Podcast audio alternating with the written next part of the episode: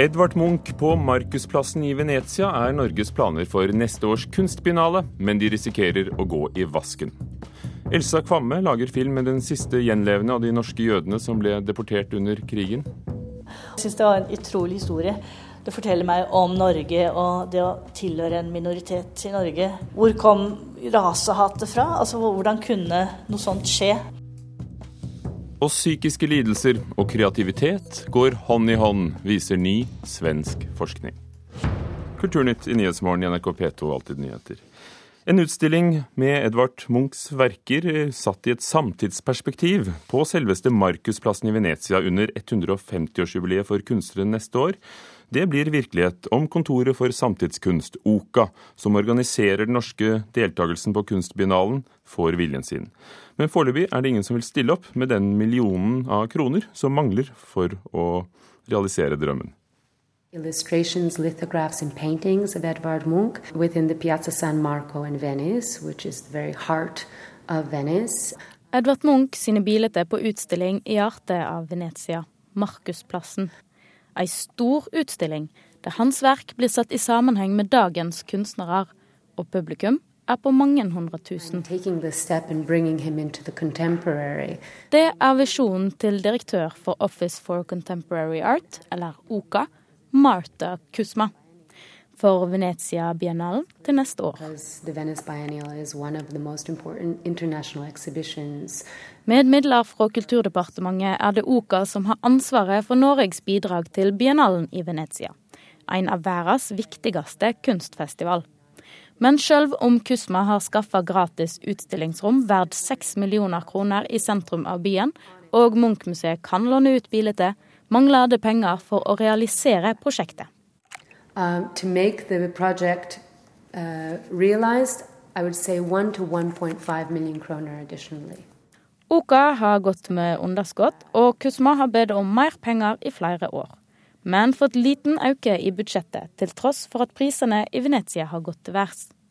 Med driftskostnader på 11 millioner sitter de igjen med under 500 000 til å bruke på biennalen. Det er en tidel av det mange andre land bruker. Det viktigste eh, i vår dialog med OKA nå er at vi er opptatt av at OKA har god økonomistyring, og at de, at de løser de oppgavene som er primæroppgaver. Det sier statssekretær i Kulturdepartementet Kjersti Stenseng. Hun mener det er OKA sitt eget problem at de ikke har råd til å realisere prosjektene sine, og at økningen har vært stor nok. Det er ikke så veldig ofte at vi styrker økonomien når det er så store utfordringer i forhold til underskudd og oppbrukt egenkapital. Da har vi en klar oppfordring, og det er at vi først skal få en sunn økonomistyring. Så det mener rett og slett at OKA sløser for mye med pengene sine? Jeg mener ikke at OKA sløser med penger, jeg er opptatt av at OKA skal få en sunn økonomi, og det vet jeg at OKA er sjøl òg. Så får heller biennalen eh, ligge på vent? Biennalen skal ikke ligge på vent, den skal prioriteres innenfor den ramma OKA har. Men uten midler for dere blir det ingen Munch-utstilling, og da får de heller ikke bra lokale. Da blir det en veldig liten markering på norsk side under neste års Venezia-biennale. Er ikke det litt flaut? Det, som sagt, det er OKA som prioriterer hvor mye penger de skal bruke på Venezia-biennale. Jeg tror eh, Kulturdepartementet og OKA har havnet i litt av en stillingskrig. Det sier redaktør i kunstkritikk.no, Jonas Ekeberg. Han mener det er på tide å se hvor viktig en slik utstilling vil være, og slutte å krangle over budsjettet når Oka har laget et eh, konsept for å vise Munch sammen med samtidskunst på Markusplassen. Det er bare å slå til på. Det er en vinn-vinn-vinn-situasjon. Og dersom det skulle være noen eh, mindre problemer, regnskapstekniske, personlige, hva som helst, så er det bare å rydde dette til side og sørge for at Norge er til stede i Venezia i 2013. Sa Jonas Ekeberg, redaktør i Kunstkritikk.no, til reporter Maria Pile Svåsand. Og sjefen for Munch-museet sier til NRK at han gjerne vil ha utstillingen i Venezia som en del av jubileumsåret for Munch, men at jubileet selv ikke har penger til å bidra til prosjektet. Agnes Moxnes, kulturkommentator her i NRK.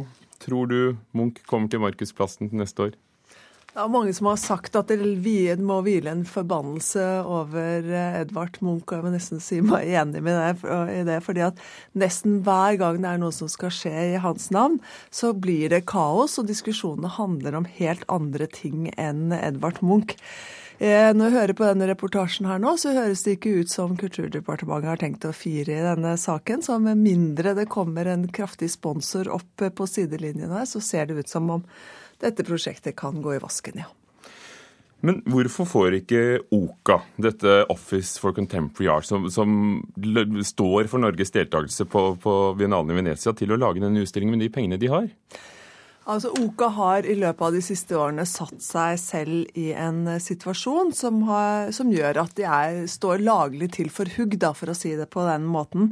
De har leid lokaler i Oslo sentrum som er såpass dyre at det meste av de pengene de har, brukes til å betale husleie og administrasjon. Og samtidig så har de liksom ert hjertet på seg, eller de irriterer andre, eller, eller, de irriterer norske samtidskunstnere, veldig mange av dem, eh, fordi de eh, kunstnerne mener at de er for elitistiske og velger for eh, snevert. Så derfor så får de heller ikke den nødvendige støtten fra der hvor det burde komme fra i en sånn situasjon som dette her, nemlig norske kunstnere. I våre så kom det en stortingsmelding, Visuell kunst, der det står at, at Kulturdepartementet mener jeg, de ønsker å satse på OKA. Eh, hvor blir det av den satsingen da? Her snakker jo departementet med to tunger. På den ene siden vil de ha eh, dette kontoret for eh, norsk samtidskunst i utlandet. Og på den annen side så er det jo helt tydelig at de syns at de er vanskelig å ha med å gjøre. Så det ender da opp i at budsjettene blir stående på stedet hvil. Er de blitt verdt de siste årene? Og eh, grunnen til at OKA står frem nå, tror jeg, er for å synliggjøre at det er en slags sånn stillingskrig som pågår mellom det kontoret og de bevilgende myndighetene. Oka får låne disse bildene fra Munch-museet, så skal det settes inn i et samtidsperspektiv. og Akkurat hvordan det vil ikke si ennå, men eh, utstillingen er ikke en del av det offisielle Munch-jubileet. Burde det vært det?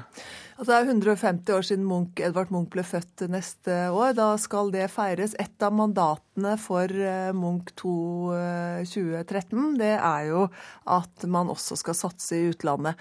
Så jeg vet ikke hva som har skjedd her, hvorfor det ikke er kommet inn i det programmet der. Det er mulig at det er noen som ikke snakker sammen. Kan de vente seg noe penger fra andre, tror du? Eh, det...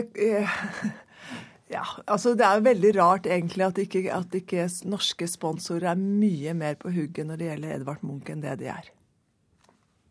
Agnes Moxnes, kulturkommentator, takk skal du ha om planene OK har for uh, Munch-utstilling i Venezia neste år.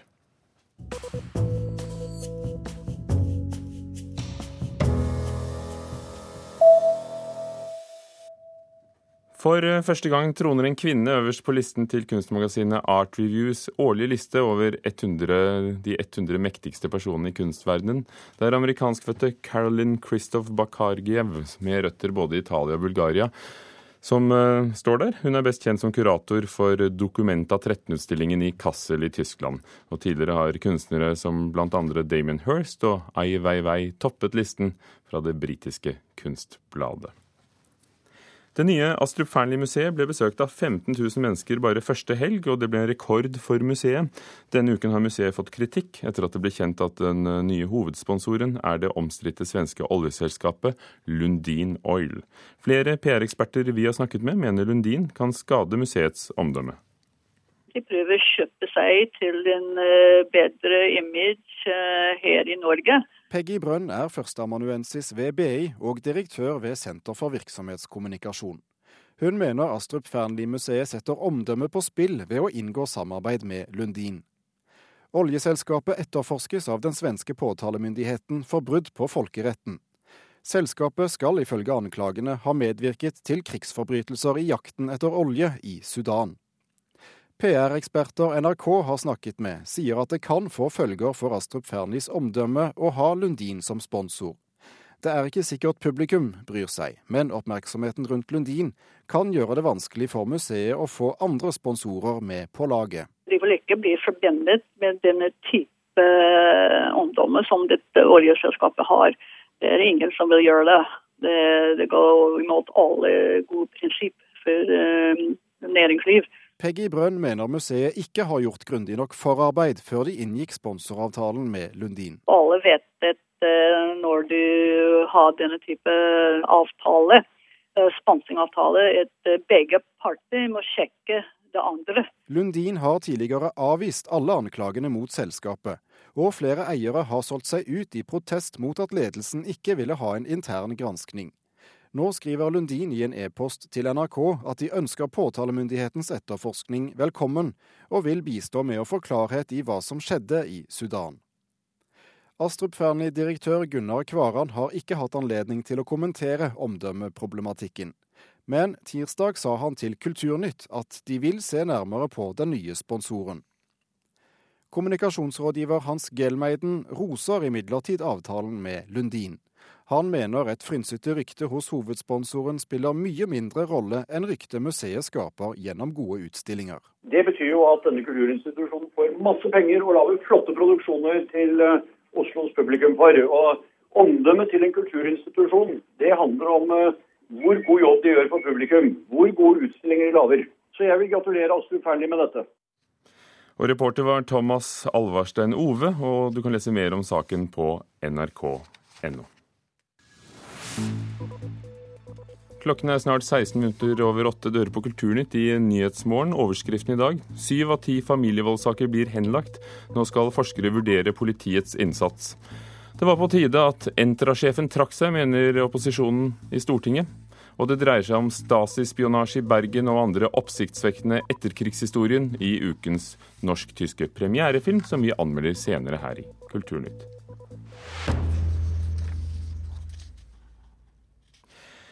Kunstnere og andre kreative yrker blir oftere behandlet for psykiske lidelser enn andre. Det kommer frem i en ny undersøkelse fra Karolinska instituttet i eh, Sverige.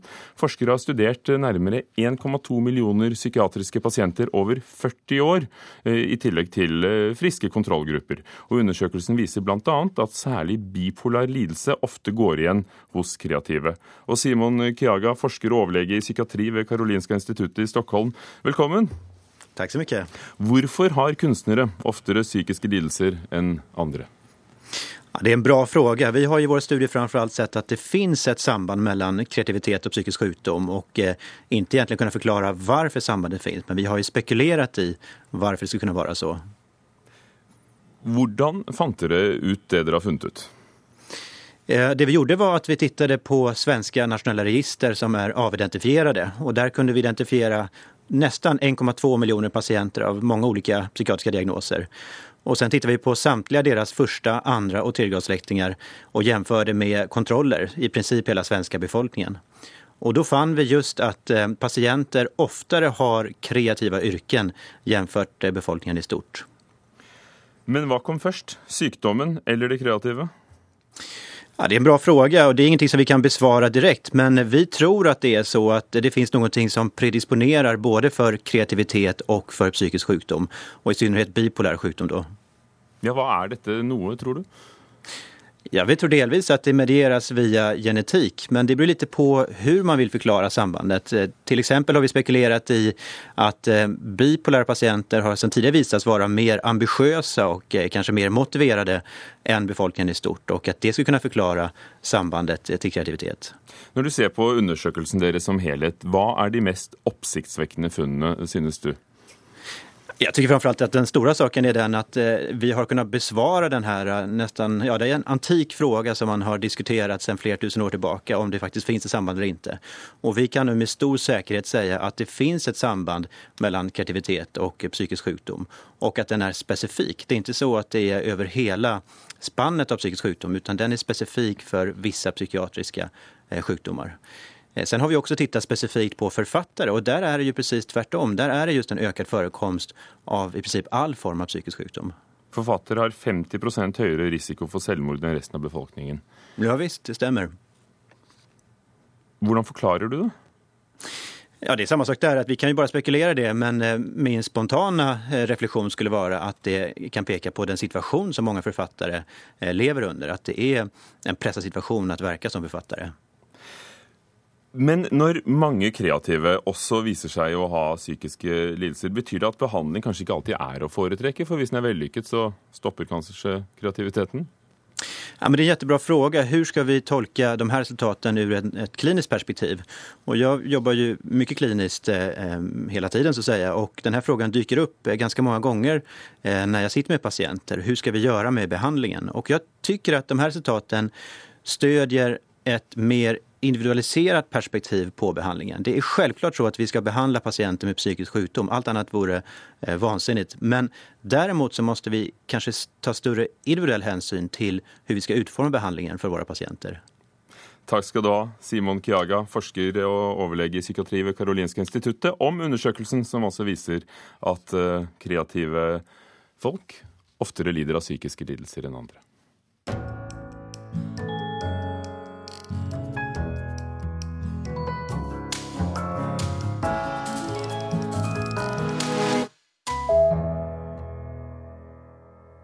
To liv er tittelen på ukens norsk-tyske premierefilm. Historien dreier seg om etterkrigshendelser som veldig få har kjent til. Vår anmelder Einar Gullvåg Staalesen synes innholdet er oppsiktsvekkende. Historien i To liv er så delikat at jeg ikke vil røpe detaljene. Det er alt det ukjente og uventede som gir opplevelse. Så det er vissheten om at dette ikke er fantasi, men norsk-tysk virkelighet. Den tyske regissøren Georg Maas avdekker elementene ett og ett, og slik bør publikum oppleve det. Vi aner noe om hva som kommer før det kommer. Forventningene skaper også spenning. To liv forteller om norske lebensbornbarn på barnehjem i DDR. Falske lebensbornbarn i DDR. En rømming i jolle til Danmark. En fire generasjoners vellykket familie i Bergen marinebasen på Håkonsvern, DDR-agenter i Norge og funnet av et forkullet kvinnelik. Det er ikke til å tro, men vi tror det.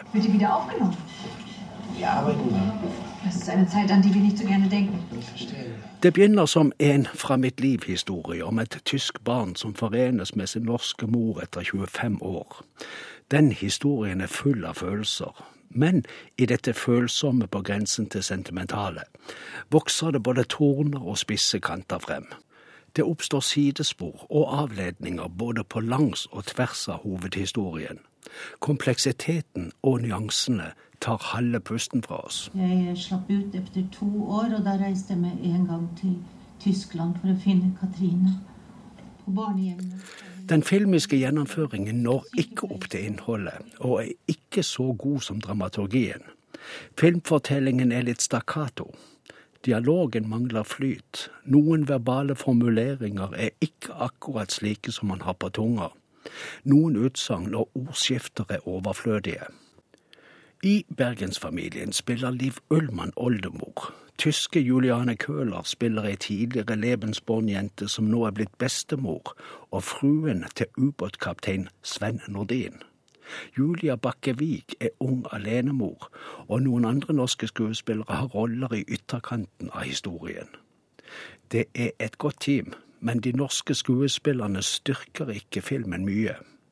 Skuespillerne og instruksjonen av dem har ikke vært regissørens første prioritet. Du wirst dich erstmal bei deiner Mutter einleben und deine Sprachkenntnisse erweitern. Wenn du den norwegischen Pass hast, bewirbst du dich bei Marinebasis. For øvrig er tyngdepunktet i historien tysk. Den tyske delen av historien er roten til dramaet, mens konfrontasjonene inntreffer i Bergen. Det meste som skjer, skjer idet en interessegruppe og noen advokater forsøker å få reist rettslig erstatningskrav på vegne av barn til norske mødre og tyske fedre som ble adoptert eller bortført av Hitler-Tyskland, og ført til tyske områder for å styrke de germanske genene i neste generasjon. Mange barn som havnet i øst, i det området som ble DDR, var knapt nok klar over sin norske arv. Noen er fortsatt ikke klar over den. Det er mye som fortsatt er uavklart i de forholdene som filmen er innom.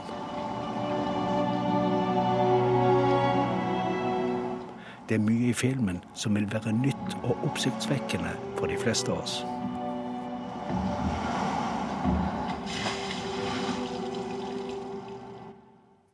Einar Gullvåg Staalesen om to liv, og i Mørkets opplevelser klokken 19 i kveld anmelder han flere premierefilmer, andre den østerrikske dokumentarfilmen om å kjøpe kjærlighet, hvis det er det det er, i Afrika. Den heter Paradis kjærlighet. Mer film. I november er det 70 år siden den norske jødedeportasjonen, der over 500 norske jøder ble sendt med skipet Donau fra Oslo til nazistenes konsentrasjonsleir Auschwitz. Nå kommer en ny dokumentarfilm om den siste gjenlevende av de norske jødene som ble deportert under holocaust. Vi satt oss og leste lekser. Så ringte telefonen. Så sa han Samuel, det er eh, telefon til deg. Samuel Steinmann forteller om da han som 19-årig skoleelev ble arrestert av norsk politi i Oslo. Vi har arrestordre på det. Sammen med over 530 norske jøder ble han sendt med lasteskipet Donau til nazistenes konsentrasjonsleir Auschwitz. Her ble jeg avlevert, og så traff jeg mange av mine trosfeller som var i samme situasjon som meg. 89-åringen er den siste norske gjenlevende etter holocaust. Og så det rase, jødisk. Dette er et utdrag fra dokumentarfilmen 'Sammys beretninger' av Elsa Kvamme. Hvis vi kunne få bort de fotokantene. I det mørklagte klipperommet i Grønlandsleir i Oslo sitter filmskaperen sammen med klipper Steinar Stalsberg og legger siste hånd på dokumentarfilmen om den siste overlevende. Altså, dette er jo eh, en eh, tilbakereise med Sammy Steinmann. Hvor eh, vi også prøver å finne ut hvor, hvor kom rasehatet fra. Altså Hvordan kunne noe sånt skje, som at man tok en hel befolkning, arresterte dem og sendte dem ut. Mange av de var jo norske statsborgere. De mistet jo statsborgerskapet sitt. Så det er jo en, en type nesten kriminalsak som eh, jeg syns det har vært skrevet og snakket og diskutert altfor lite om i, i etterkrigstiden. Neste dag da, så gikk vi sydover og skjønte vi at eh, vi skulle til Tyskland. Selve aksjonen skjedde jo utrolig fort. Det har vel vært norgesmesterskap i hurtig avvikling av massearrestasjonen. Det var skrivebordsmord. Det var det.